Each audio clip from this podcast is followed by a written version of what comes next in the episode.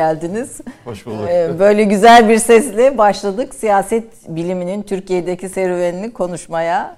Ee, müzik seviyorsunuz. Efendim her türlüsüne düşkünüm. Alaturka'yı sevdiğim gibi operaya çok düşkünüm. Öyle mi? Ne tabii, kadar tabii. güzel. Bir de ayrıca yani yaşlandıkça insan bir de şey yerli sazlar dörtlüleri, üçlüler filan bunlara çok düşkün oluyor. Benim efendim hem üniversitede hem evde gayet zengin bir e, CD koleksiyonum var ve ben çalışırken müziksiz yapamam. E, Allah'tan çok e, iyi bir TRT 3 istasyonumuz da var. Klasik müzik çalan. Evet, Ondan iyi. da çok istifade ediyorum. E, bir de şimdi Bodrum'daki evimize bir e, alet aldım. E, yurt dışındaki bir takım kanalları da kendiliğinden Çünkü... internet üzerinden dinleyebiliyorum klasik müzikte. Çok o bakımdan yani müzikle çok yaşayan bir Birisi, insan. İyi bir müzik dinleyicisisiniz. Evet, İcraat yok ama bildim. Bir bağlama e, kursu. Bağlama ya. denedim efendim. Ee, öğrencilik yıllarında hatta bir ara bir piyano dersleri de almıştım ama gal, galiba Allah beni dinleyici olarak yaratmış. o konuda ben hoş geldiniz Yaprak'ta Furkan şanslıyız hocam sizin huzurunuzda. Valla hocamın derslerini dinlemek herkese nasip evet. olmaz. Bir efsane çünkü kendi sahasında. Ne dinledik Yaprak onu da e, izleyici. İlk olarak biz e, Yesari Asmarso'ya ait bir hüzzam şarkı dinledik. Pek okunmayan bir şeydi. Buradan bunu icra etmiş olalım istedim. Evet, Yaprak özellikle bu, bu programda daha az okunan, daha az bilinen eserleri evet. e, icra ederek mümkün bir e, mümkün olduğunca bir tanınırlık e, oluşturmaya çalışıyor. Efendim masamın üstünde bir sürü not var. Tabii bunlar böyle özet notlar. Ben korkuyorum bu kadar Yok not yok efendim. Dersimi çalışmaya çalıştım ama siz müthiş bir hocasınız. Ee, bir hatam olursa affınıza sığınıyorum efendim. Efendim bugün Türkiye'de siyaset biliminin e, bilim olarak kendini kabul edilme, ettirmesi, akademide, üniversitede yer bulması, üniversitelerde bir bölüm olarak güçlenmesi konusunda büyük emekler vermiş. Siyaset biliminin duayen hocalarından birisi Profesör Doktor İlter Turan'ı konuk ediyoruz. Biraz onun hikayesini, biraz da siyaset, e, akademide siyasetin hikayesini birlikte konuşmaya çalışacağız. Çünkü e, böyle e, her şey birdenbire olmamış. Büyük emekler yavaş yavaş ilerleyerek ve Türkiye'nin siyasal dönüşümüyle birlikte de galiba siyaset bilimi kürsüleri de gelişmiş ve değişmiş. Tekrar lütfettiniz, kabul ettiniz, hoş geldiniz e, diyorum. Efendim isterseniz bir özgeçmişle başlayalım. Sizin hikayenizi bir kısa hazırsa arkadaşlar onu bir izleyelim. Ondan sonra da e, bakalım siyaset bilimi kürsüleri üniversitelerde nasıl bir e, yol yolla bugüne gelmiş. Adil İlter Turan 1941 yılında İstanbul'da doğdu. Orta öğrenimini Türkiye ve Amerika Birleşik Devletleri'nde tamamladı. 1962 yılında Oberlin Koleji'nden siyaset bilimler lisansı, 1964 yılında Kolombiya Üniversitesi'nden siyasal bilimler yüksek lisansı aldı. Aynı yıl İstanbul Üniversitesi İktisat Fakültesi Siyaset İlmi Kürsüsü'ne asistan olarak girdi. Aynı kürsüde 1966 yılında doktor, 1970 yılında doçent, 1976 yılında da profesör oldu. 1984 yılında İstanbul Üniversitesi Siyasal Bilgiler Fakültesine intisap etti. 1991'de aynı fakültede yeni kurulan Uluslararası İlişkiler Kürsüsü Başkanlığını üstlendi. 1993 yılında İstanbul Üniversitesi'ndeki görevinden ayrıldı ve Koç Üniversitesi İdari Bilimler ve İktisat Fakültesinde siyasal Siyasal Bilimler Profesörü olarak görev aldı. 1998-2001 yılları arasında İstanbul Bilgi Üniversitesi'nin rektörlük görevini üstlendi. 2015'te İstanbul Bilgi Üniversitesi tarafından kendisine Emeritus Profesör ünvanı takdim edildi. Hala aynı üniversitenin Uluslararası İlişkiler Bölümü öğretim üyesidir. 2000-2009 yılları arasında Siyasi İlimler Türk Derneği'nin başkanlığını yürüttü. 2016-2018 yıllarında Uluslararası Siyaset Bilimi Derneği'nin başkanlığını yaptı. Mukayeseli siyaset, Türk siyasal hayatı ve dış politika konularında İngilizce ve Türkçe çok sayıda makale, kitap ve kitap bölümü bulunan Profesör Doktor Turan, evli ve bir çocuk babasıdır. Efendim her bir dakikası verimli bir ömür. Ee, Allah uzun ömürler versin e, talebelerinizi yetiştirmeye, daha çok talebe yetiştirmeye imkan sağlasın diyelim. E, şimdi e, özgeçmişinizde de okurken Amerika'da eğitim görüyorsunuz. Evet, evet. Amerika'da Tarsus Amerikan Koleji ardından da Amerika'da evet. üniversiteye devam ediyorsunuz. Evet. Biraz aslında Ee, ve e, o günlerin ruhundan konuşarak başlamak istiyorum. Çünkü bir röportajda diyorsunuz ki ben hiç Amerika'da kalmayı düşünmedim. Evet. Ve e, mesela Türkiye'de İngilizceyi en iyi konuşma, uluslararası yayın yapma filan konusunda müthiş bir şeyinizden söz ediyor. Hitabet gücünüzden, e, bilginizden söz ediliyor. Bu kadar bilgiyle Amerika'da da bir kariyer yapabilirdiniz. Ama Türkiye'ye döndünüz. Oradan başlamak istiyorum. Neden? Şimdi efendim iki şey var. Ta, tabii bir kişinin e, dünyaya bakış açısının şekillenmesinde e, hem içinde yaşadığı toplumun o dönemdeki değerlerinin hem de ailesinde gördüğü yetişmenin etkileri oluyor.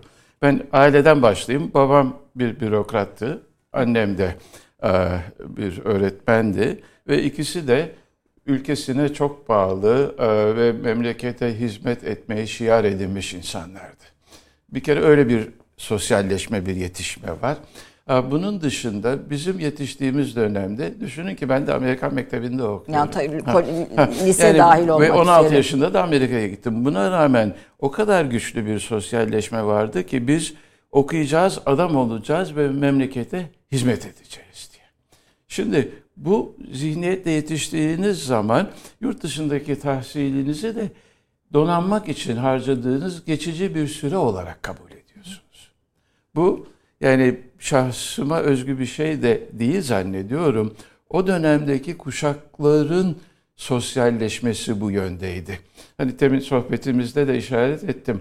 Bir Amerikalı araştırmacı 50'li yıllarda e, Türkiye'de liselerde bir araştırma yapıyor ve öğrencilere sorulan sorular arasında hani en büyük fedakarlığı ne için yaparsınız deyince memleket için yaparım. Memlekete hizmet gibi tema diğerlerinin çok önünde çıkıyor. Türk öğrencilerde. Türk, ha, bu zaten Türkiye'de yapılmış evet. bir araştırma.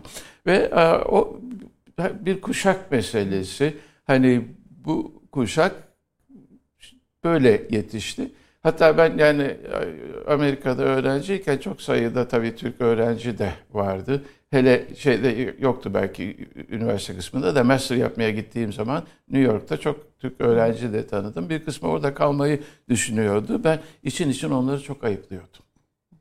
Haksızlık bu tabii aslında geriye doğru baktığım zaman ama şey yapmaları lazım yani dönüp hizmet etmeleri lazım diyordum. Öyle yetiştim. Yani bu ülkeye dönüp hizmet etmek üzere evet, yurt dışında evet, eğitim evet, evet. görmüş. Tabii hele burslu gidenler bu konuda daha da sorumluluk sahibi. Ben burslu da gitmedim ama yani Amerika'dan burs aldım ben. Daha doğrusu Evet buradan yok yani. onu söylüyorsunuz zaten. Evet, evet. Hani bunu bir sorumluluk, bir vazife evet, olarak, vazife olarak bir vazife olarak evet. pişman oldunuz mu hiç Türkiye'ye döndüğünüzde? Yani eminim Amerika'da kalsaydınız da çok önemli bir akademisyen olurdunuz. Hiçbir dönem pişmanlık duymadım. Ee, bir hususu yalnız belirtmek mecburiyetindeyim. Yani şimdi tabii insan yaşlandıkça, çoluk çocuk sahibi oldukça maddi ihtiyaçlarında da bir artma oluyor. Ee, ve e, Allah'tan kızımızın üniversite çağına girdiği zaman vakıf üniversiteleri de açılmıştı. Hı hı. Ve ben işte e, İstanbul Üniversitesi'nden Koç Üniversitesi kurulurken oraya geçtim. Ee, ve bu maddi rahatlamayla çocuğumuzu okutabildik. Ee, yani orada bir e, şey bir zaaf var ama ben şöyle bir şey yapıyordum yalnız onu da şey yapayım ve İstanbul Üniversitesi'ne de namütenahi teşekkür borçluyum.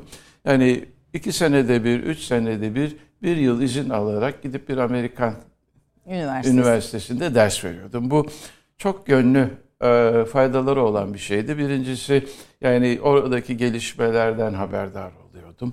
E, araştırmaların parçası olmak bakımından e, bir kolaylık sağlıyordu. Yayın yapmak açısından bir kolaylık sağlıyordu. Maddi açıdan da bir ferahlama getiriyor. Getiriyor. Yani böyle takviyeler evet, ediyorsunuz. Evet, Akademik evet, hayatımı evet. bu süreçte devam ettirdim. Şimdi biraz Türkiye'nin o yıllarına da şöyle dönmek istiyorum. Çünkü siyaset ilmi kürsüsüne asistan olarak giriyorsunuz İktisat Fakültesinde.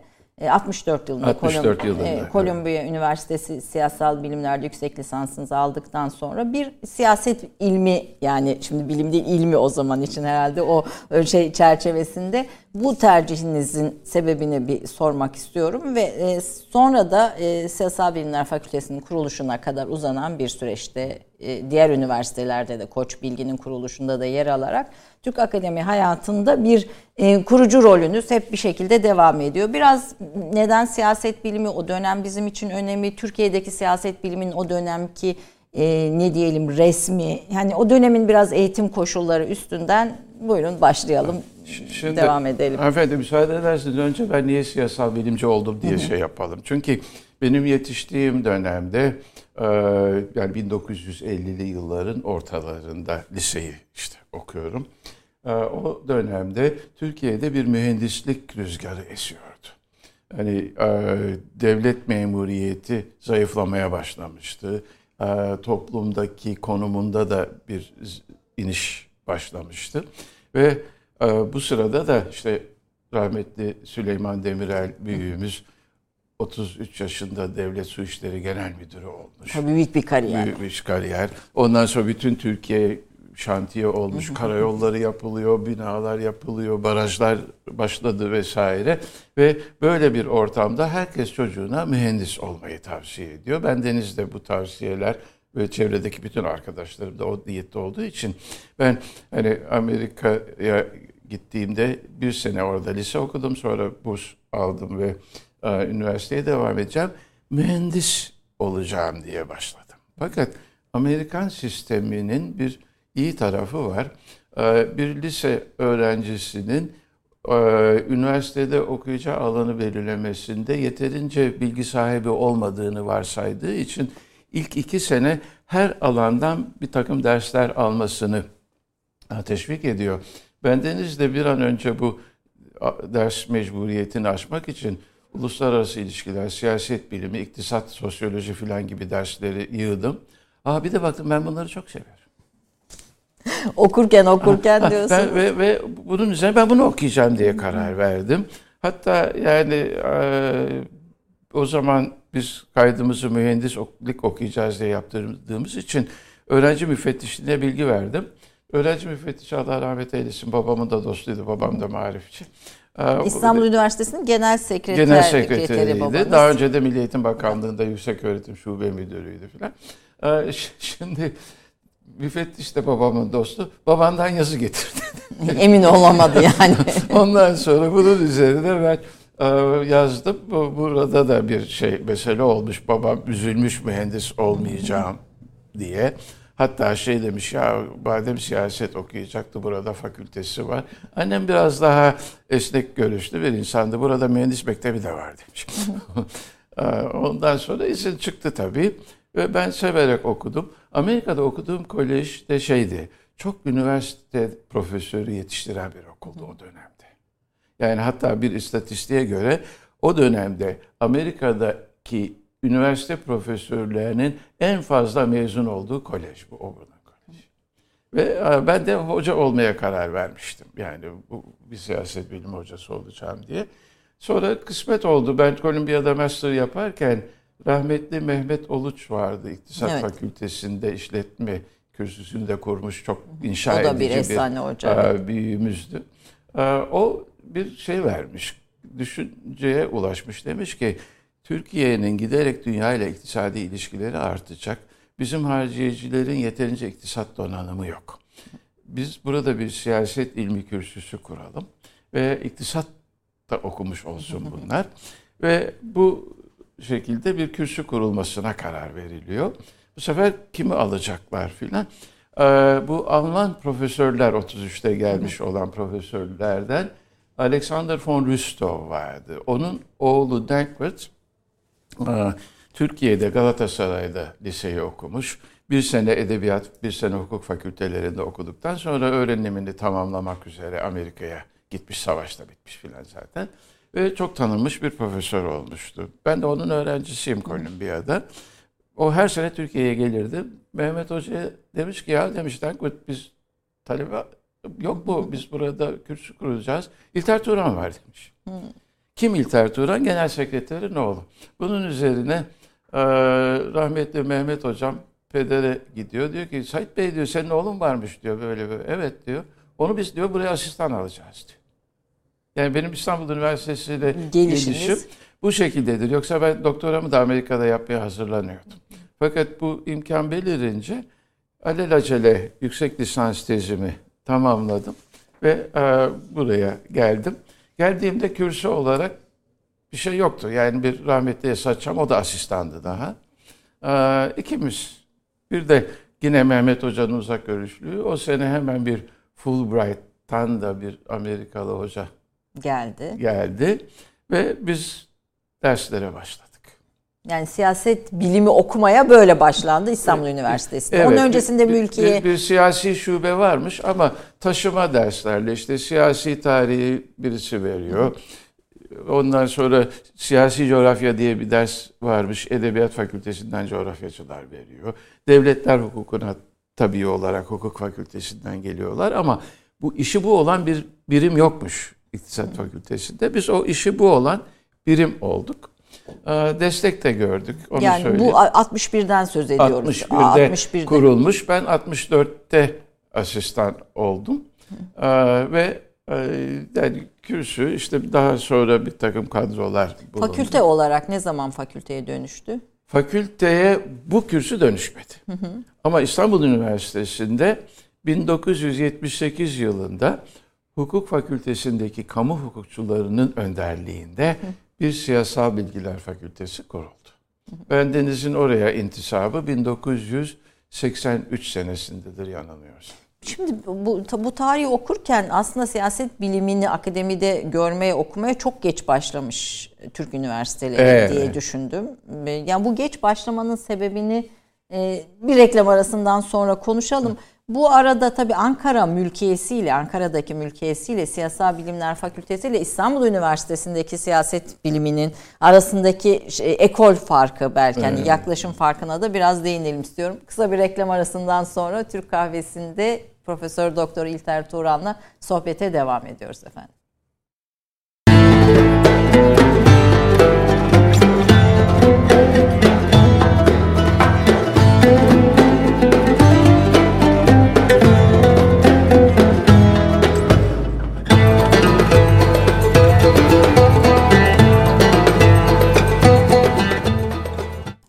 Efendim Türk kahvesinde İlter Turan'ı konuk ediyoruz. Ee, hocaların hocası dedik. Bunun dışında bakanlar, valiler, siyasetçiler, devlet memurları, bürokrasi birçok insanın da aynı zamanda hocası. Evet, ee, öğrencileriniz önemli bir mevkiye, birçok öğrenciniz var önemli mevkilere gel. Ne hissediyorsunuz? Şimdi hanımefendi tabii bu çok büyük bir kere bir gurur meselesi. yani e, bir yere gittiğiniz zaman yani olaylar da yaşanmış. Mesela Mersin'e bir toplantıya gitmiştim. Vali koşarak geldi elimi öpmeye. Tanıdım tabii sonra şey çocuğu. Ondan sonra bakanlar yani şey işte Efkan Ara olsun. Naci Ağbal olsun, olsun evet. başka arkadaşlar. Önceki Selami dönem. şey İçişleri Bakanlığı evet. yaptı. Bunların hepsi öğrencilerimiz. Tabii insan böyle bir mecliste bu dost, öğrencileriyle karşılaştığı zaman çok hoşuna gidiyor. Yani hatta arkadaşlara beni kıskanmayın bizim mesleğimiz bu diyorsunuz değil mi? Bu kadar çok. Hani ben sonra şey öğrencilerini de çok seven hani her türlüsüyle yakın ilişki kurmaya çalışan onlara işte yani hocalığın gerektirdiği sıcaklığı, ilgiyi her zaman göstermeye çalışan bir insan oldum. Yani ben ne konuşmaktan çekinsinler istemedim hiçbir zaman. Onun mükafatını da şimdi çok görüyorum. Çok doğrusu. seviliyorsunuz. Sevilen yani çok gurur duyuyorum. Çok ya aslında tabii ders anlatmak, akademisyenin e, öncelikleri falan bunlar sizden herhalde ayrıca ders olarak alınması gereken e, o, noktalar. Efendim, teşekkür ederim. Bir şey Onlar ayrıca alınması gereken çünkü herkes bu sevgiyi, bu sempatiyi her hoca öğrencide oluşturamıyor. Ee, şimdi üniversite programına e, siyasa, siyasetin girmesi, sonra uluslararası siyaset, kamu yönetimi, bütün bunların girmesi sonraki dönemlerde evet. oluyor. Biraz bu hikayeyi e, e, aktarın istiyorum ki aslında biz hani e, hangi koşullarda ve nasıl bir süreçte siyaset bilimi okumaya, okutmaya e, başladık. Biraz işin felsefesine ne kadar hakimiz oradan da girelim istiyorum. Tabii çalışırken İlter e, Turan Hoca'yı çok önemli notlar da e, kendi e, adıma tabii hocam için değil ama ben, benim için e, ilginç geldi. Mesela 1952'de Tarık Zafer Tunaya tarafından siyasi partileri konu edinen ilk kitap yayınlanıyor. Kitap yani 1952 e, Türkiye'de çok belki çok partili sisteme geçişle Türk siyasi hayatıyla e, bağlantılı. Bir de Nermin Abadan Unat'ın 65 seçimleri üzerine bir çalışmasından evet, bir söz ediyorsunuz. Rahmetli Niyazi Berkes'in bir çeviri mi kendi mi yazdı emin olamıyorum. Şu anda bir siyasi partiler kitabı vardır. İlk kitaplar bunlar, bunlar siyasi bunlar, partiler, bunlar. siyasi evet, evet. Ta, ta, tarihe ilişkin. Evet. Ee, biraz baş, buyurun. Ha, şimdi, şimdi e, Ayşe Hanım tabii ee, toplumlar kendi ihtiyaçlarına göre bir akademik gelenek oluşturup o yoldan ilerliyorlar. Şimdi Türkiye'de siyasal bilimler öğrenimi dediğimiz alan aslında 1859'da Mülkiye Mektebi'nin e, kurulmasıyla Devlet başlıyor. memuru yetiştirecek. Devlet memuru yetiştirecek. O zaman bu kuruluş gerekçesiyle ilgili çok ilginç hikayeler var. Yani diyor ki kaymakamlar diyor gönderilen şeyleri anlamıyorlar merkezden giden emirleri. emirleri anlamıyorlar, yorumlayamıyorlar. Bilhassa yabancılar karşısında çok mahcup durumlara düşülüyor. Sonra hani ülke çapında bir standart e, terbiyeye memur terbiyesine yetişmesine ihtiyaç var filan ve hakikaten mülkiye başarıyla bu işi yürütüyor ve e, daha başka okullar da sonradan açılıyor ama onlar başka alanlarda. E, açılan okullar. Mülkiye 1930'lu e, yıllara geldiğimizde hatta Ankara'nın merkez olması dolayısıyla, yeni merkez olması, başşehir olması dolayısıyla da oraya naklediliyor. Fakat fonksiyonu aslında bilimsel araştırmalar yapmak filan değil, memur yetiştirmek. Hatta yani 1952 senesin 57 senesinde düzeltiyorum. E, Orta Doğu'da kurulan bölümde bir kamu yönetimi bölümüdür. Yine e, daha e, Üst, değişik üst, üstün nitelikli memur yetiştirmeyi amaçlamıştır. Fakat bu arada bir başka gelişme de var. O da hani dünyada siyasal bilim diye bir alan otonomi kazanmaya başlıyor. Çünkü daha önce siyasal bilimler daha çok kamu hukuku içerisinde, tarih içerisinde, iktisat içerisinde böyle şey yapılmış, e, emilmiş, harmanlanmış bir alan. E, ve e, yavaş yavaş işte siz de işaret etmeye başladığınız e, bir otonomi oluşmaya başlıyor. Bu haliyle hani belki bilimsel araştırma geleneklerinin daha yaygınlaşmış ve daha çok üniversitesi olan toplumlarda başlamış önce. E, sonra yavaş yavaş e, şeye geliyor. Yani Bu işin piri diyeceğimiz bir şey mesela Almanlar, Fransızlar. Şimdi veya... her biri başka. Mesela efendim e, sonra sosyolojinin de etkisi var burada. Mesela Amerika Birleşik Devletleri'nde bazı araştırmalar var. Mesela Elmer Schatzsnyder diye bir adam vardır. 1920'li yıllarda gümrük kanunlarını inceliyor, yapımını. Ama burada şey açısından inceliyor. Nasıl çıkar grupları kendi amaçlarını gerçekleştirmek için kanunları şekillendirmeye çalışıyorlar. Ee, ondan sonra Gosnell diye bir adam vardır. Seçmen davranışlarını incelemeye başlıyor. Ee, savaş sırasında e, şey üzerinde çalışmalar var yani grup dinamikleri üzerinde. Çünkü askerin morali filan üzerinde yapılan çalışmalar var. Ve e, bir de işte şimdi Almanya'yı yendik ne yapacağız? Ne yapacağız? Bu, bu, bu tür sorular var ve yani bütün bunlar araştırmaları da teşvik ediyor ve e, siyaset bilimi yavaş yavaş bir otonomi kazanmaya başlıyor. Ama bakın benim okuduğum yıllarda bölümlerin konusu siyaset bilimiydi ama isimleri government yani devlet yönetimi, public law and government yani kamu hukuku ve devlet yönetimi gibi isimlerdi. E, şimdi bin, savaş sonrasında ayrıca e, Birleşmiş Milletler'in çerçevesinde uluslararası bilim camiaları oluşturma çabaları da başlıyor. Ve daha sonra benim de başkanlığını yapma imkanını bulduğum, nasip olduğu e, Uluslararası Siyasal Bilimler Derneği de mesela o dönemin bir ürünü. Şimdi uluslararası temaslar artıyor ve Türkiye'de de işaret ettiniz işte siyasi partilerle ilgili kitaplar. Fakat esas belki yani bir dönümü noktalayan veya belirleyen kitap Nermin Abadan hocamızın Allah uzun ömür versin e, şeyidir. E,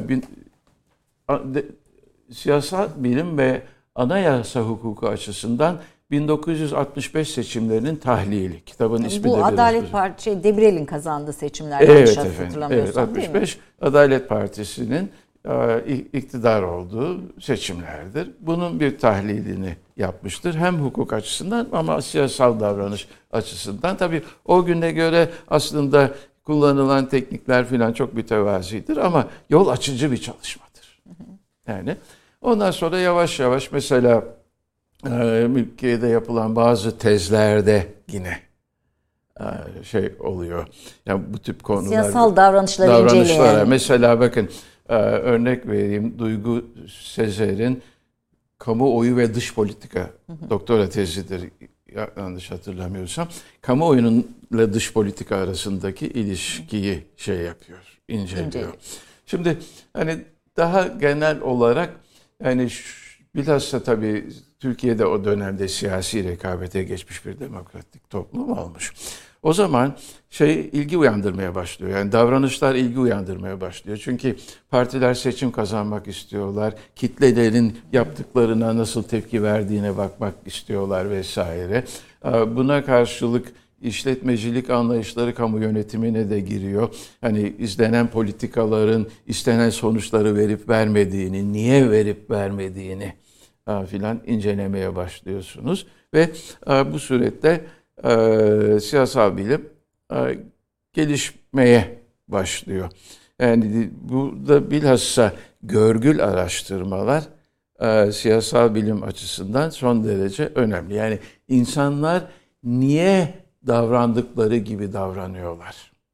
Ya buna bir örnekle açar mısın? Mesela şimdi, siyaset bilimi e, ne ilgilendiren yani insanın şimdi, siyasal davranışlarını şimdi, şimdi bakın önceleyen... çok çok basit kamu yönetiminden örnekler vereyim. E, hatta yaşadığımız bir. E, tecrübe, bir anket yapıyoruz. Devlet bir Merinos projesi geliştirmiş.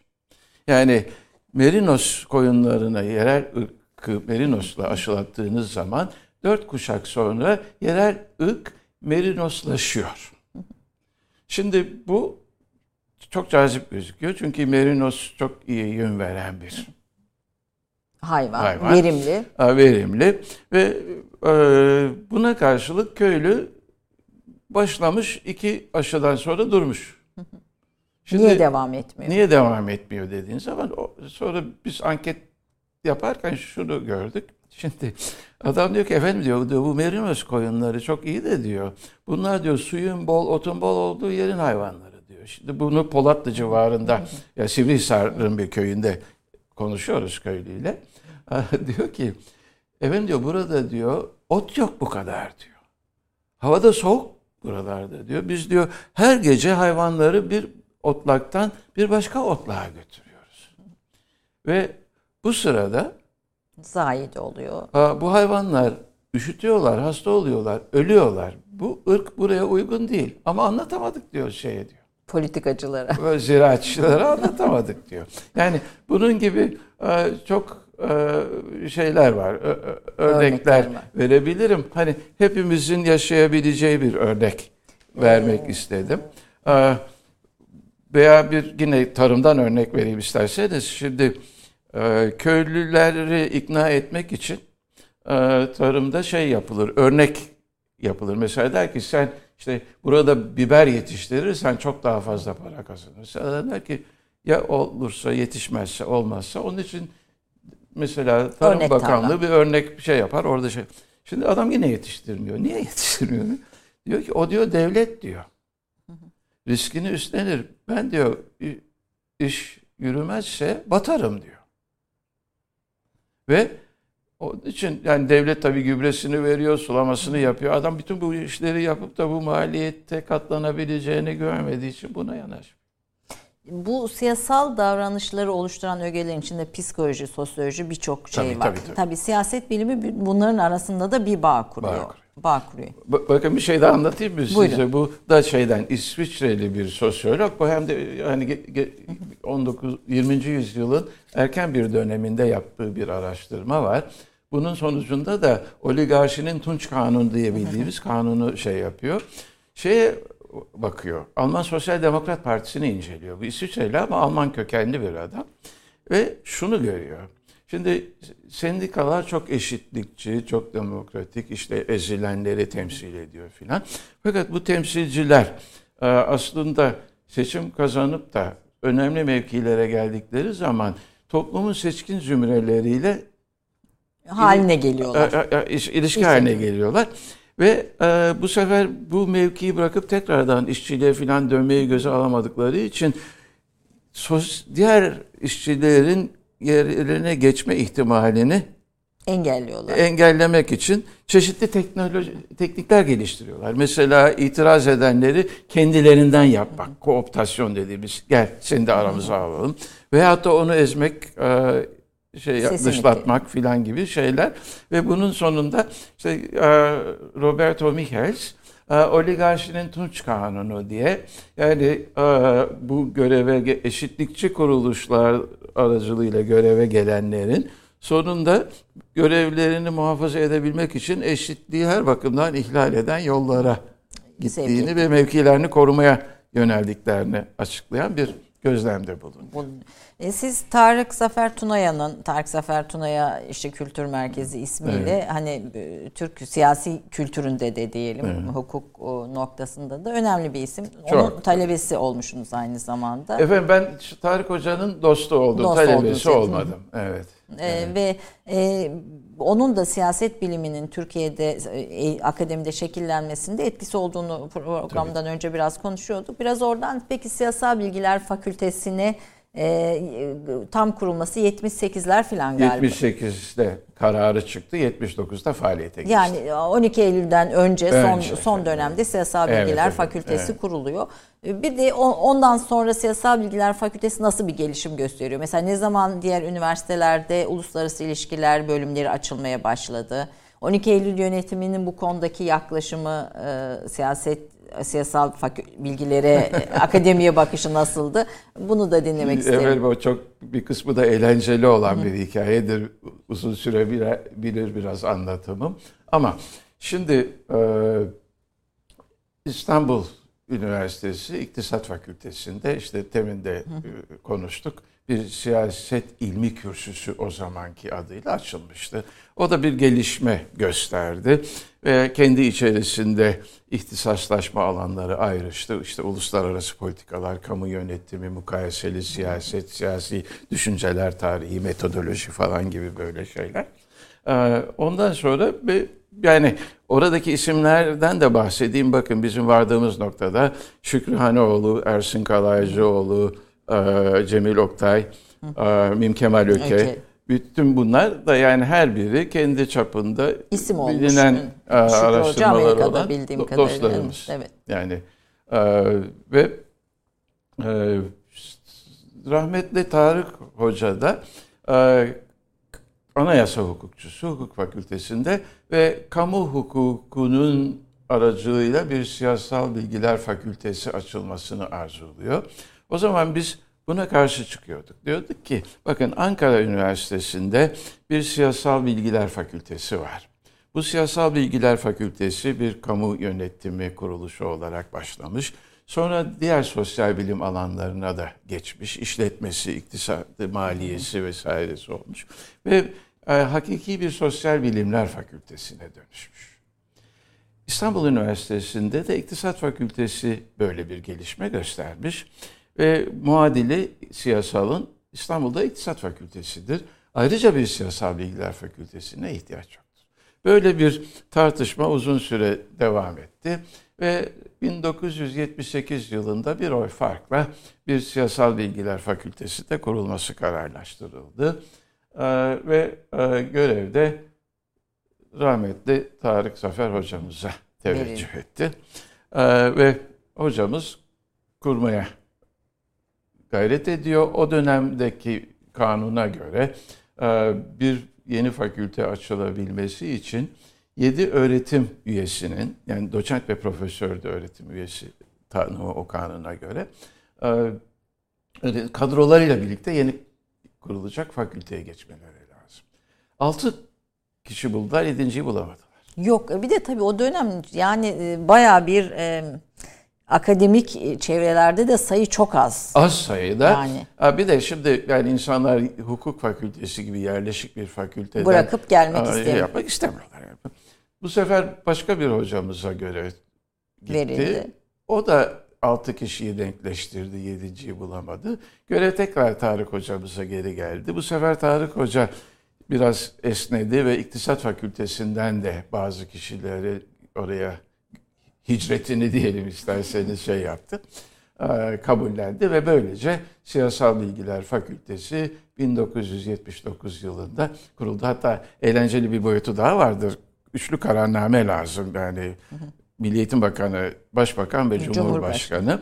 Ee, şimdi hükümet düşmüş 78'de. Üçlü kararname imzalanıyor. Evet. Fakat daha yenisi kurulmadığı sırada Nahit Menteşe rahmetli şey Milli evet. Eğitim Bakanı aslında normal olarak hani geçici olarak artık görevde kalan bir bakanın bu önemli kararları imzalamaması lazım. Ama gittiler talebesiymiş Nahit Menteşe'de.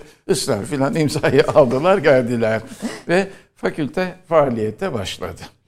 Ee, şimdi e, derken 80 ihtilali, ihtilali darbe. Geldi. Şimdi e, askerler bir böyle prototip geliştirme merakı içerisindeydiler ve o zaman e, bütün üniversitelerde bir iktisadi ve idari bilimler fakültesi modeli geliştirdiler.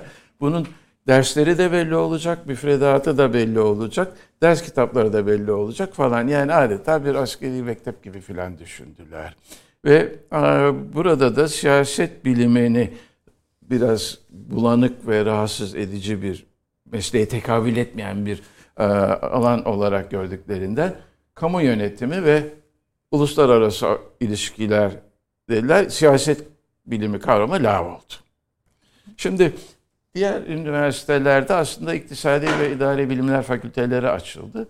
İstanbul Üniversitesi ve Ankara Üniversitesi'nde sorun var. Ankara'da siyasal var.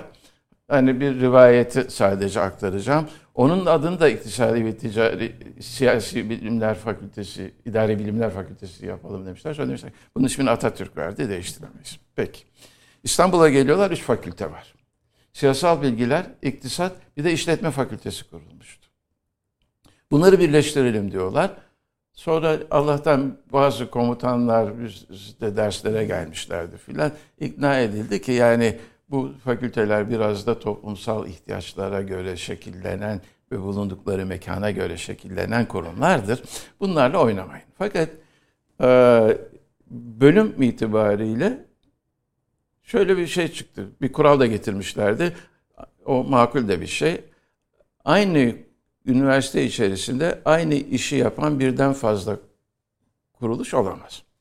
Bunun üzerine Siyasal Bilgiler Fakültesini tek bölümlü kamu yönetimi yaptılar. Ondan sonra diğer bölümlerde iktisatta kaldı. kaldı. Bir, bir ara iktisadı tamamen kapatıp siyasala entegre etmeyi düşünmüşler. Sonra o da olmamış filan. Böyle üç fakültede kaldı. Ve e, Siyasal Bilgiler Fakültesi de kamu yönetimi esaslı oldu. Sonradan yani işte askerlerin tesiri azalmaya başladıkça e, bu kuruluşlar kendi gelişme çizgilerini yarattılar ve e, Siyasal Bilgiler Fakültesi de diğer bölümleri açmaya başladı. başladı. Ve 1984 83-84 yılında ben de e, İktisat Fakültesinden ayrılarak şeye geçtim. Siyasal, Siyasal bilgilere bilgiler geçtim. Fakültesi. Çünkü Hani o dönemde benim en değer verdiğim çalışma arkadaşlarım Ersin Kalaycıoğlu, Şükrühaneoğlu, Cemil Oktay filan siyasal bilgilere geçmişlerdi. Evet o bir ekip de bir, Ekipte, bir tarafta. Yani onun da sebebi çok enteresandır.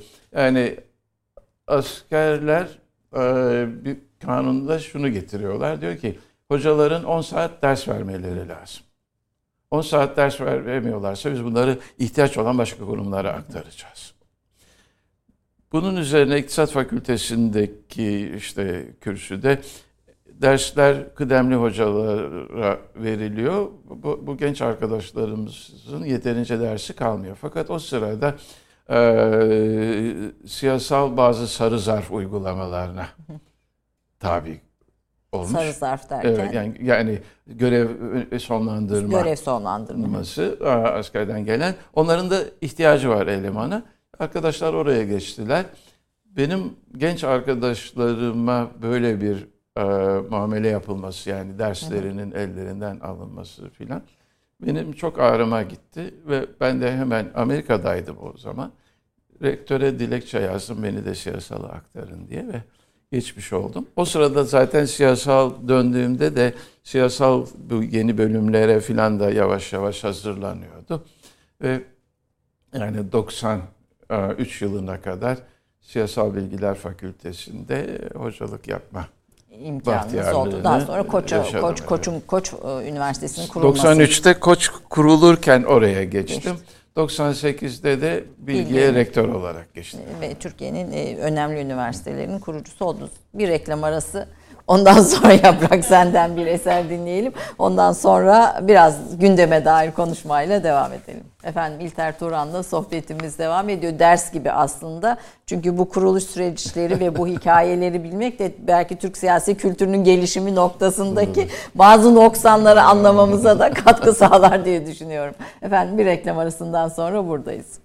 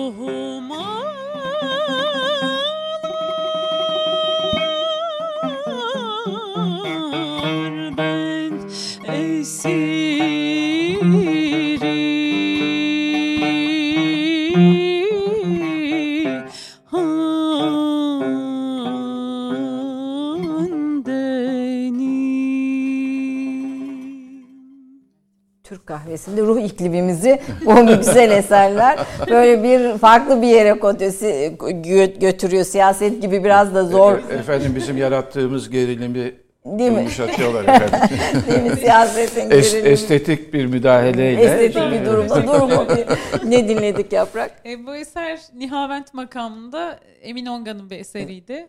Bu da yine çok e, seslendirilmeyen bir eserdi ama çok sevdiğim bir eser. Sevdiğinizi düşünüyorum. Evet, valla e, Emin Bey çok Üsküdar Musiki Cemiyeti'nin evet, şeyiydi. Çok kemani tabii. Efendim e, eşiniz de profesör, bir ekonomi evet, profesörü evet, Gül Ünver Turan. Evet. E, bir evde iki tane profesör olunca e, bir kız bir evladınız var kızınız var o da bir sinema yönetmeni yapımcısı evet. bildiğim kadarıyla nasıl gidiyor böyle tartışmalar falan daha yoğun mu geçiyor? Ta, tam tersine efendim biz birbirimizi çok tamamlayan insanlarız yani eksik olmasın eşim ben sıkıştığım zaman her zaman e, benimle yaptıklarımı tartışan e, bana yeni veriler bulmakta yardımcı olan e, bir insandır. Ben de kendi çapımda ona yardımcı olmaya çalışırım. E, kızımız haklı olarak kendini bizden özgürleştirmek Bence için... bambaşka bir alan. Bambaşka bir alana geçti ama o da bir tesadüftür efendim. Yani yine Amerika'ya gittiğimiz bir sırada bir dostumuz dedi ki burada bir adam var dedi şey yapıyor dedi. Çocuklarla Shakespeare yapıyor dedi biz kendi çocuğumuzu gönderdik yazın. Çok memnun kaldı. Belki siz de istersiniz dedi. Adamla temas ettik. Ve kızımız daha 11 yaşındayken e, Wisconsin Üniversitesi'nde e, idik. O da Madison, Wisconsin'da. Bu Shakespeare kumpanyasına yazıldı. Baya bir para da verdik. Yani o günün parasıyla 500 dolara yakın bir harç da alınıyordu. Fakat çok ilginç. Adam çocuklara şunu öğretmeye çalışıyordu. Bakın her biriniz rolünüzü çok iyi yapmanız lazım. Ama bu kolektif bir eserdir. Siz iyi yapsanız da başkası iyi yapmazsa veya bir aksama olursa bütün iş yürümez. Onun için sizin sorumluluğunuz kendinizin iyi iş yapmasıyla sınırlı değil, bütün işin başarılı olmasıyla sınırlıdır. Sınırlı. Geniş Ve çocuklara bu ruhu aşıladı. Ee, kızımız da o sırada bu sahne dünyasıyla kabiliyeti de var zaten. Ee, haşır neşir oldu ve sonradan okumaya gittiğinde e, şey yaptı o da bu sinema alanını Şimdi seçti. Netflix'e güzel e, filmler, eserler evet. yapan iyi bir şey. İyi, efendim yani Oscar kazanan filmlerin de yönetmen Kendi yardımcılığını falan, falan yaptı yapmış. yani. Evet, evet kendisi evet. mesleğinde Türkiye'nin gururu olabilecek isimlerden. İyi, iyi, başarılı efendim memnunuz. İsimlerden birisi. Şimdi rol yapmaktan, kendi rolünü iyi yapmaktan ve bir ekip olarak ekipteki diğerlerinin evet, evet. de rolünü iyi yapmaktan sorumlu e, olmaktan bahsettiniz. Siyasette biraz böyle bir şey. Siyaset evet. bilimi e, okuyamaya başlayan ve bu alanda ilerlemek isteyen öğrencilerinize ne tavsiye ediyorsunuz? Şimdi efendim bir kere yani sadece siyaset bilimi okuyan değil, bütün öğrencilere yapacağım bazı tavsiyeler var. Yani birincisi okuduğunuz her şeyin değişebilir bilgiler olduğunu ve daima sorgulanması gerektiğini bir kere kabul etmek lazım. Evet. İkincisi mutlaka şey bir mantık dersi görmek lazım. Yani muhakeme, iyi muhakeme yapabilmek lazım. Ampirik bilgileri değerlendirmek için mutlaka bir miktar istatistik ve matematik. aşina, matematikle aşina olmak lazım. Aslında istatistik ve matematik de ikisi birbirinden farklı şeyler. Matematik müthiş bir mantık egzersizi tabii. İstatistik ise bir şey, ampirik egzersiz. Yani ve e, mesela şu anda yani bu ihtiyaç e, nasıl şey yapabiliriz? Bir istatistik geliyor Covid ile ilgili. Nasıl anlamlandıracaksınız? Fiyat endeksleri bilmem ne. Şu, bütün bunları yorumlayabilecek kadar bir istatistikle aşina olmak faydalı. Bunun dışında Yani ben siyasal bilim okuyanların ufuklarını disiplinler arası bir şekilde odaklamalarını şey yaparım. Yani bir siyaset bilimi okuyan kimse bir yanda iktisat, bir yanda sosyoloji, bir yanda felsefeyle de aşina. Yani bu bu çok önemli. Çünkü kişinin bir olguyu değerlendirmesi doğru değerlendirebilmesi için çok boyutlu düşünebilmesi lazım ve başka bir alanda yani sosyolojiden öğrendiğiniz siyasette tatbik edilebiliyor. İktisatta öğrendiğiniz siyaset etkileyici olabiliyor. İnsanlar psikolojik bilme, sosyal psikoloji bilmeniz lazım insan davranışlarını anlamanız için. İnsanların düşüncesini anlamanız için bir miktar siyasi düşünceler tarihini ve felsefeyi bilmeniz lazım. Yani benim tavsiyem çok boyutluluk, çok disiplinlilik ve muhakemeyi de içeren iyi bir donanım. Çünkü siyaset bilimi okuduğunuz zaman sizi efendim büyüyünce ne olacaksın? Siyasal bilimci olacağım diye bir meslek, bir meslek yok. yok. Ama biz hani bu donanımla toplumun sunduğu çok değişik alanlarda hizmet verebilecek insanlar yetiştirmeye çalışıyoruz. E, bu siyasetin bir bilim, siyaset bilim bir bilim olarak kabul edilmesi de çok sonraları oluyor. Tabii tabii. Ee, yani tabii. anladığım kadarıyla bu süreçte. Peki siyasal davranışlar ve kültürler arasındaki ilişki, bunlara işte ampirik e, araştırmaların önemini, bunları okumaktan söz ettiniz. Biraz bunun üzerine de konuşmak istiyorum. Yani Türk siyasal e, davranışları üzerine Türkiye'de pek çok yazınız, makaleniz var, uluslararası yayınlarınız var bu, bu çerçevede. Mesela liderlik, liderliğe bakış konusunda bir makaleniz böyle çok ilgimi çekmişti. Türk siyasal davranış ilişkisini e, analiz eden, tarihin süre içinde de bunu bir, bir yere koyan ama bir taraftan e, parti disiplini var. İşte lidere bakış var. Diğer taraftan seçmen davranışı var. Yani o seçmen niye X partiye değil de bu partiye oy veriyor? veriyor. Hangi bölge niye ona oy veriyor filan. Bunlara ilişkin e, değerlendirmelere e, değerlendirmeleri nasıl yapılması gerekir? Bunlara ilişkin yorumunuz ne olur sizin bu çalışmalara ilişkin? Şimdi e, efendim müsaade ederseniz örnekler üzerinden Lütfen. belki giderim. Bakın şeyden bahsettiniz bu liderlikle evet. ilgili yazımdan bahsettiniz. Doğru aynı makaleyi düşünüyorsak evet, evet. Tek, şey tek, yani tek şey, liderlik. Ha, tek liderlikle ilgili. Yani liderin kendisine yani rakip ortaya değişmezliği belki diyebileceğimiz. Şimdi bakın e, bu mesela lider değişmezliği bazı toplumlarda var, bazı toplumlarda yok. Mesela İngiltere'ye bakıyorsunuz. E, her seçimden sonra seçimde yenik çıkan partide bir lider yenilenmesi oluyor. Birleşik Devletlere bakıyorsunuz en fazla 8 yıl sürüyor e, bir başkanın dönemi. Ondan sonra değişiyor. Değişiyor.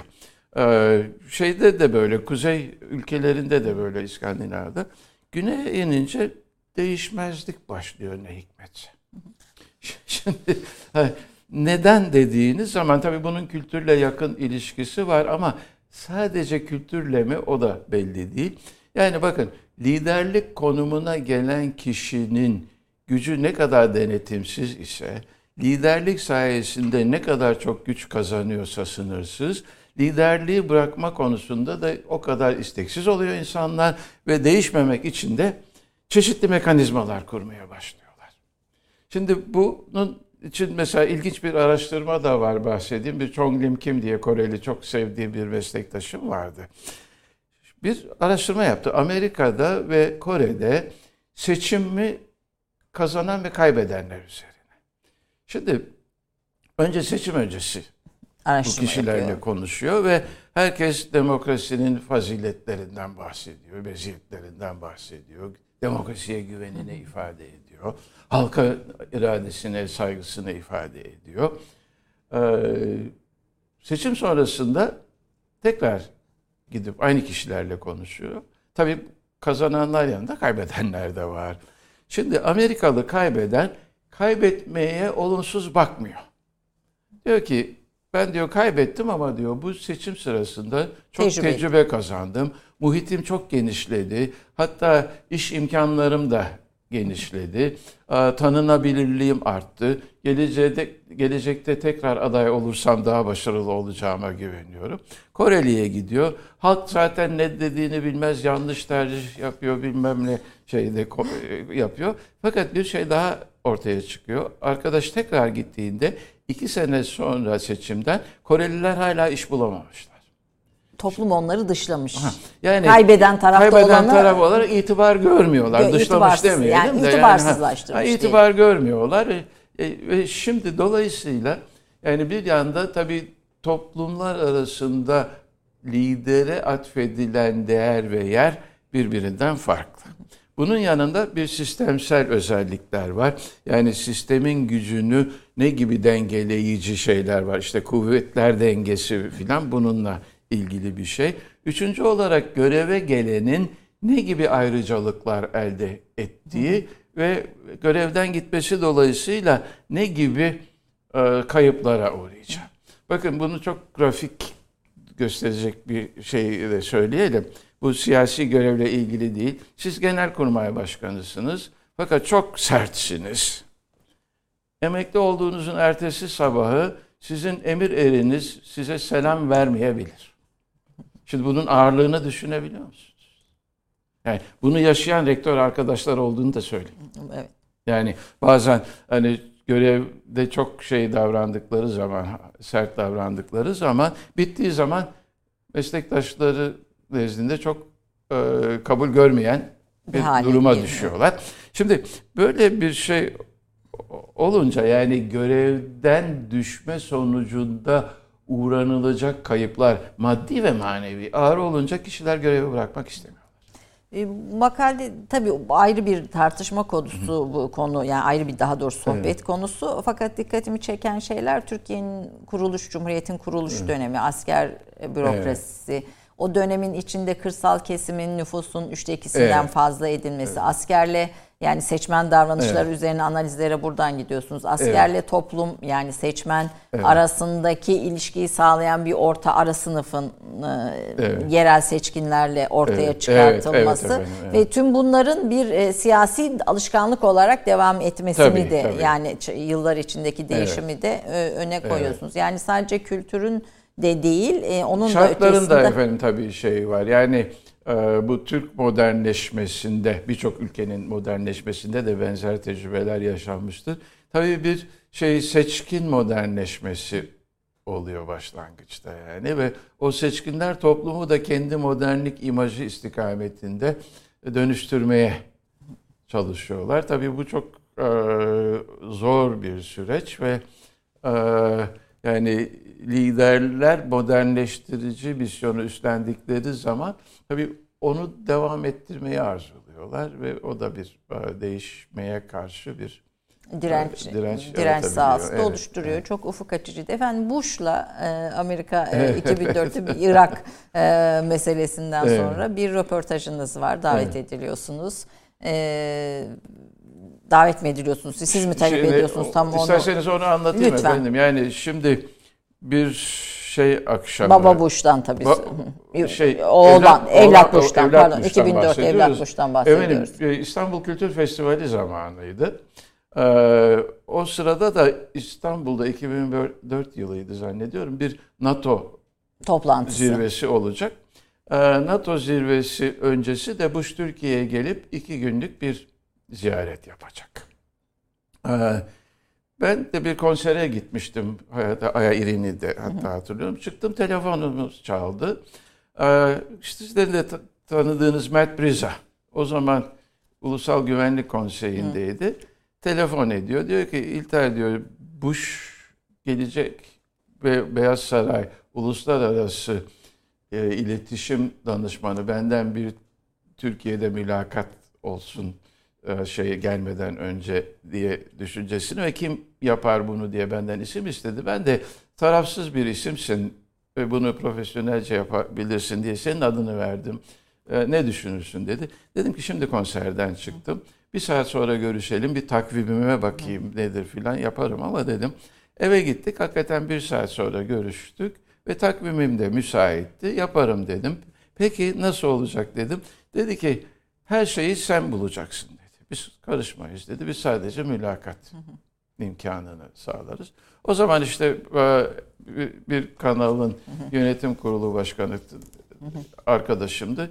Gece 11'de ona telefon ettim. Allah'tan daha yatmamış bir yerde yemekteydi. Ve e, böyle böyle dedim. Nasıl yapacağız? Biz bunu dedi hemen atla. Tabii yani buş buşla röportaj yani. sonra yarın sabah dedi. 2004 şeyde, Irak'a yedi buçukta bizim dedi şey seni arayacak filan. Ee, o şekilde e, benim bir mülakat yapmam söz konusu oldu. Tabii gitmeden önce ben çok e, hazırlık yaptım, soruları hazırladım filan. E, işte gittim. E, Beyaz Saray'a iki saat önceden gitmenizi istiyorlar. E, gittim orada bu işte uluslararası iletişim direktörü ve başkaları benimle sohbet ediyorlar, beni anlamaya çalışıyorlar. Çünkü önceden bir şartla koştum. Dedim ki sorularımı önceden size vermem ben. Ondan sonra tabii onlar da merak ediyorlar. Ama şunu da söyledim. Dedim ki beni siz Başkan Bush'un NATO ziyareti öncesi Türkiye'ye gelişi sebebiyle davet ettiğinize göre sorularımın bu alanda olması tabiidir diye bir cevap da verdim. Bununla birlikte yine de sohbet sırasında bana şunu sordular. Dediler ki başkanın kızları hakkında soracak mısın filan. İletişim danışmanları söylüyorsunuz. Evet. Hayır dedim hiç böyle bu konumuzla bir ilgisi yok.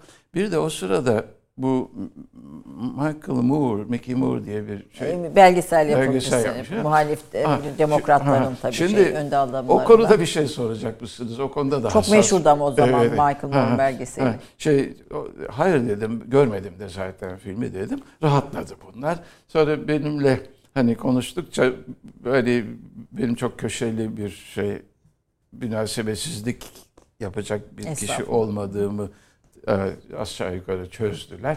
Ve bunun şeyde biz girdik şeye. İşte o da çok enteresan. Şimdi bir salon düşünün burası gibi. Bir tarafın böyle güvenlikçiler dolu yerde yelken bezleri kameralar filan. Öbür taraf mükemmel bir salon. Biz mükemmel salonda oturuyoruz ama Bir sahne tabii. ö- öbür tarafı şey bambaşka bir dünya. Ve e, Bush geldi şey bir adamdı. Candan te- sıcak bir adamdı. İşte dediler ki efendim Sayın Cumhurbaşkanımız bu Profesör Turan sizinle konuşacak. Kendisi işte Oberlin College'da okumuştur filan. Aa çok iyi bir okuldur dedi. Bu bir nezaket. Çünkü aslında Oberlin çok iyi bir okul ama çok protestocu geleneği filan olan ve cumhuriyetçilerin pek hayranlık Hoşlanmadı diye. bir şey. Çünkü işte Amerika'da ilk zenci ve ilk kız öğrenci kabul eden Okul. okul bu Oberlin. Ee, ama çok zarif şey yaptı. Hatta böyle bir e, şey gibi oturdu böyle bir beyzbol antrenörü gibi. evet. Ee, hatta şöyle eğlenceli bir şey de oldu. Ben önceden sordum. Dedim ki oturma pozisyonuyla ilgili filan bir şeyiniz var mı dedim. Yani bacak bacak üstüne atılır atılır. Yok dediler. Ben bunun üzerine hani ben de kendi gerilimimi aşmak için şöyle geriye doğru yaslandım. Bacak bacak üstüne attım böyle 10 tane de soracağım soruların anahtar kelimesini hazırlamıştım ki unutmayayım ve şey yapayım diye. Ee, ve e, o şekilde yürüdü. Sonradan böyle işte bazı gözlemciler işte kim başkan kim mülakatçı anlaşılamadı falan. Çünkü ben böyle E, kapa- kapasitemiz o da böyle oturmuş. Ama Allah için çok kibar, çok zarif e, davrandı. E, ve iyi bir mülakat oldu. Tabii burada değişik tepkilere sebep oldu. E, göz, te- televizyoncu bazı arkadaşlar e, benim işimin bu olmadığını, kendilerinin olması gerektiğini filan. Onlar tabii Evet, hafif haset, haset durumları diyelim onlara. E, Türkiye'nin büyük Bush bu röportajda Türkiye'nin büyük Orta Doğu projesi için örnek ülke olduğunu söyleyip PKK ile mücadelede birlikte çalışacağız diye bir mesaj veriyor. Teröristlerin peşindeyiz. Eğer Evet. bir grubu terörist ilan ediyorsak bunda ciddiyizdir. Hükümetlerle birlikte çalışacağız İşte demiş. O, o da o dönem Efendim için. Demek ki o zaman başka türlü düşünülüyor. Evet onu diyeceğim. Şimdi oradan oraya geleceğim. Hani o günden bugüne şimdi Biden tabii arada bir Trump, bir Obama, Trump, Biden Evet, bir tabii, tabii. e, şey dö- dönemler geçti. Sizin Arap Baharı üzerine de e, Evet, e, yazılarınız var. E, bir Şimdiki e, Amerika'daki bu iktidar değişimini nasıl yorumluyorsunuz? Şimdi efendim şöyle bakmak mümkün. Bir kere Trump bir popülist dalga üzerinden geldi. Washington'un müesses nizamının tamamen dışında bir adamdı. Ve kendi aklına göre devlet yapısını da önemsemeyerek her gün bir şeyler yapıyordu. Hatta şöyle bir rivayet ortaya çıktı. Yani sabah Bush erken kalkıp Twitter'lar atıyormuş biliyorsunuz. Trump evet. Ee, Amerikan bürokrasisi günün geri kalan kısmını bu tahribatı temizlemekle nasıl temizleyeceğiz diye faaliyet göstererek geçiriyor. Şimdi hani tabii kişisel bir tarzı vardı. Ee, bu kişisel tarz e, olabilir ama Trump bütün yönetimi sırasında şey kendisinin kadrosunu oluşturamadı. Daha bire bir değişim değişim oldu.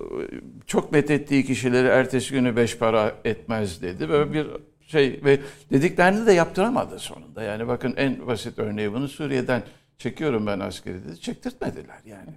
Şey. Şimdi e, Biden çok eskiden beri yani 29 yaşından beri Washington'da seçimle gelinen bir görevde bulunmuş. Ee, bilahare e, yasamadan yürütmeye geçip başkan yardımcılığı yapmış.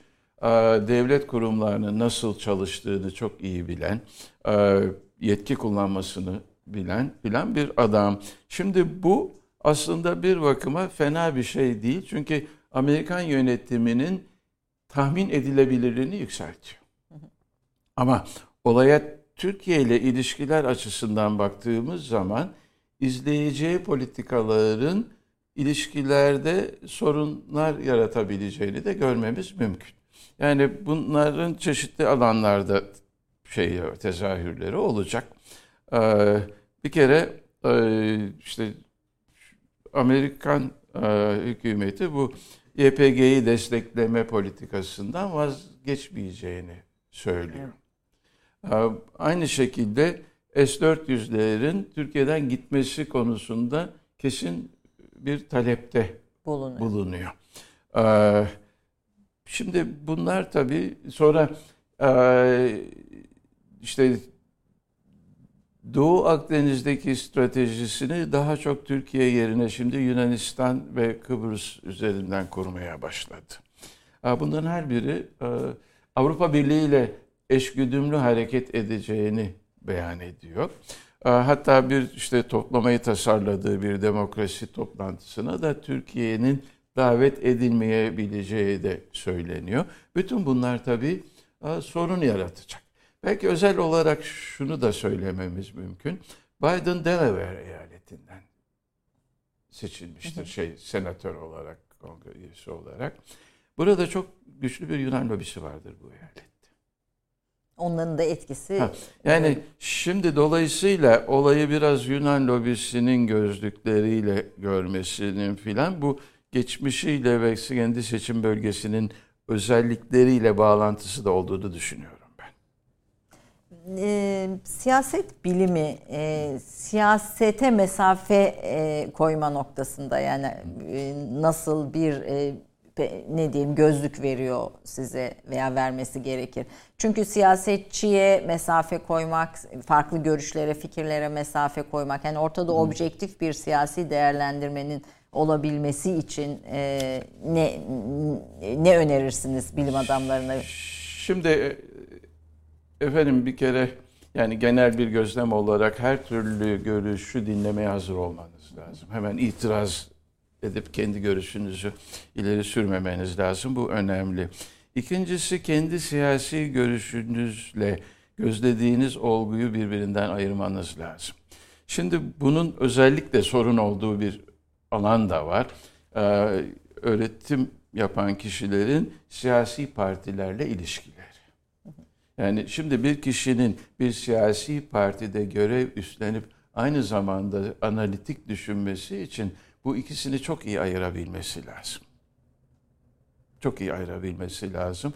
Bu kolay değil birçok kimse de bunu başaramıyor. Başaramıyor. Yani e, şu kadarını söyleyeyim. Yani mesela siz ders verirken öğrencinin sizi bir siyasi hareketin sözcüsü gibi algılamaması lazım.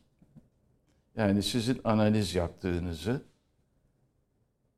bu mümkün mü peki? Yani ne kadar mümkün oluyor ya da bu sahada? Bir, bir ölçüde bu hassasiyeti korursanız mümkün olur. Bakın bir yaşadığım şeyi anlatayım.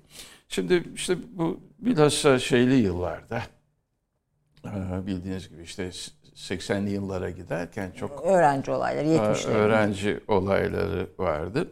Şimdi biz de doktora dersi yapıyoruz. Şimdi bir grup öğrencimiz Marksist. Tabii bunlar yani Marksist ama e, yani Marx'ı o kadar iyi bildiklerinden de emin olamıyorum. Yani kolay değil Marksist olmak. Hem de zaten çeviri kitaplar. anlamda falan. Yani kolay değil. Şimdi ders veriyoruz. Bunlar da bendeniz Marksist değilim. Marx-Gil analizlere inanırım. Yani şu manada iktisadi faktörlerin siyasi sonuçları belirlemekte ağırlıklı rol oynadığı için mutlaka araştırılmaları gerektiğine inanırım. Ama Marx'ın geleceğe dönük tahminleri, işçi sınıfının bilmem işte sınıfsız toplum yani böyle şeylere bir mesafem var. Ee, şimdi öğrenciye bazı şeyleri anlatmaya çalışıyoruz. Nedensel mantığın kurulmasını falan. Bunlar bizi tabii şey aleyhtarı olarak düşünüyorlar. İşte Marx aleyhtarı falan ve şeyle dinliyorlar. O şekilde dinliyorlar veya dinliyormuş gibi yapıyorlar diyeyim isterseniz. Sonra bir gün bir de bir şey söyledi. Bir şey daha söyledi. İki söylediği arasındaki tutarsızlığa işaret ettim. Birdenbire bir şaşaladı. Ve ondan sonra anlaşıldı ki bu şaşalama iyi bir şey olmuş. Demiş ki ya biz hocalarımız bize bir şey öğretmeye çalışıyorlar. Biz yok Marx değildi diye Hoca öğrenme, sen ne biliyorsun? Ha, öğrenme fırsatını tepiyoruz. Yani bu adamlar aslında bizim Marksistliğimizle filan ilgili değil, bize düşünmeyi öğretmeye çalışıyorlar. Ondan sonra sınıfta çok büyük bir rahatlama oldu. Yani bizim e, bir siyasi tavır içerisinde olmadığımız, muhakeme ve analiz yapma becerisini geliştirmeye çalıştığımız izlenimi hasıl olunca bu durum bu durum zahil oldu diyelim. Efendim bu sohbet tabii çok uzun ve çok farklı ve önemli konulara doğru devam edebilir ama süremizin e, sonuna geldik. Geldik değil mi efendim? Evet. E, siz son olarak siyaset bilimiyle ilgilenenlere, Türkiye'deki siyasal bilgiler veya siyaset fakültelerinin genel durumuna ilişkin ne söylersiniz? Bu sahanın geliştirilmesine yönelik, siyasi davranışları anlamaya yönelik e, sözleriniz ne olur? Şimdi efendi söyleyeceğimi az çok da ifade ettim. Yani her birimizin kendi siyasi tercihleri olabilir. Ama daima kendi inançlarımız konusunda şüpheci olmalıyız. Evet. Verileri incelediğimiz zaman dediklerimizle uymuyorsa verilerin yanlış değil bizim düşünce kalıbımızın yanlış, yanlış ol, olabileceği ihtimali üzerinde durmamız lazım. Ve sürekli görüşlerimizi de değiştirmeye, yenilemeye açık olmamız lazım. Daima karşımıza çıkan olayları sorgulamalıyız. Her şeye şüphecilikle yaklaşmamız lazım. Yani çünkü görebildiğim kadar tabii bilhassa genç insanlarımız heyecanla bazı inançlara sarılıyorlar. Bu tabiidir, onu da söyleyeyim ama yani siyaset bilimci olarak yetişmek isteyenlerin daima bunu aşarak bir kendi inançlarını bile bir soru işaretiyle birlikte. Bir mesafeye, bir paranteze evet. alması gerekir diyorsunuz. Dile çok önem verdiğinizi söylüyorsunuz. Evet. Ee, masamın üstünde üç sözcük bulunur, söz, evet. sözlük bulunur İngilizce, Osmanlıca, e, Türkçe, Türkçe olmak üzere. E, dilin e, sizin için anlam ve önemini de e, o çok önemli efendim. Yani bakın dil bir iletişim aracıdır. Bir siyasi mücadele konusu değildir. Bir, ne kadar çok bir dilde kelime varsa siz o kadar güçlüsünüz kendinizi ifadede. Ne kadar çok nüans varsa o kadar rafine düşünebilirsiniz. Dil çok önemli. Bir de tabii bu lügat bulunmasının bir sebebi ne kadar iyi biliyorum deseniz de karşınıza bilmediğiniz kelimeler çıkıyor. Ve her seferinde bak sürekli bak, yeniden öğreniyorum evet. bu tabii, yaşımda tabii, dahil yani, diyorsunuz tabii, tabii, röportajlarınızda. Sürekli yeniden öğrenen e, tabii, tabii. Bir, bir hoca olarak da çok hoş bir rol model, bir örnek oluyorsunuz. Efendim çok çok teşekkür ediyorum. Ben Dediğim teşekkür gibi ederim, böyle aslında e, tabii çok merak ettiğim konu var kısmen tabii siyasetle de ilgilenen birisi olarak. Türk e, siyasal davranışlarının oluşumu, seyri vesaire noktasında ama biz bu programda biraz sizi tanımaya ve düşünce dünyanızı anlamaya gayret ettik. e, ve e, Türk siyaset biliminin gelişimine olan etkinizi de altını çizmek istedik. Umarım izleyicilerimizin de faydalandığı bir e, sohbet olmuştur. Estağfurullah teşekkür ederim. Yani akademi çünkü siyaset akademilerinin siyasetin akademide gelişiminin öncü isimlerinden e, birisiniz. Üniversitenin gelişiminin öncü isimlerinden birisiniz. Lütfettiniz efendim. Çok çok teşekkür, teşekkür ediyorum. Yaprak bir sizle veda edelim. Evet, biz de son olarak Aleko Bacanos'a ait bir Hüseyin'i şarkı seslendirelim. Evet. Zevkim hevesim diyeceğiz. Peki. Thank you.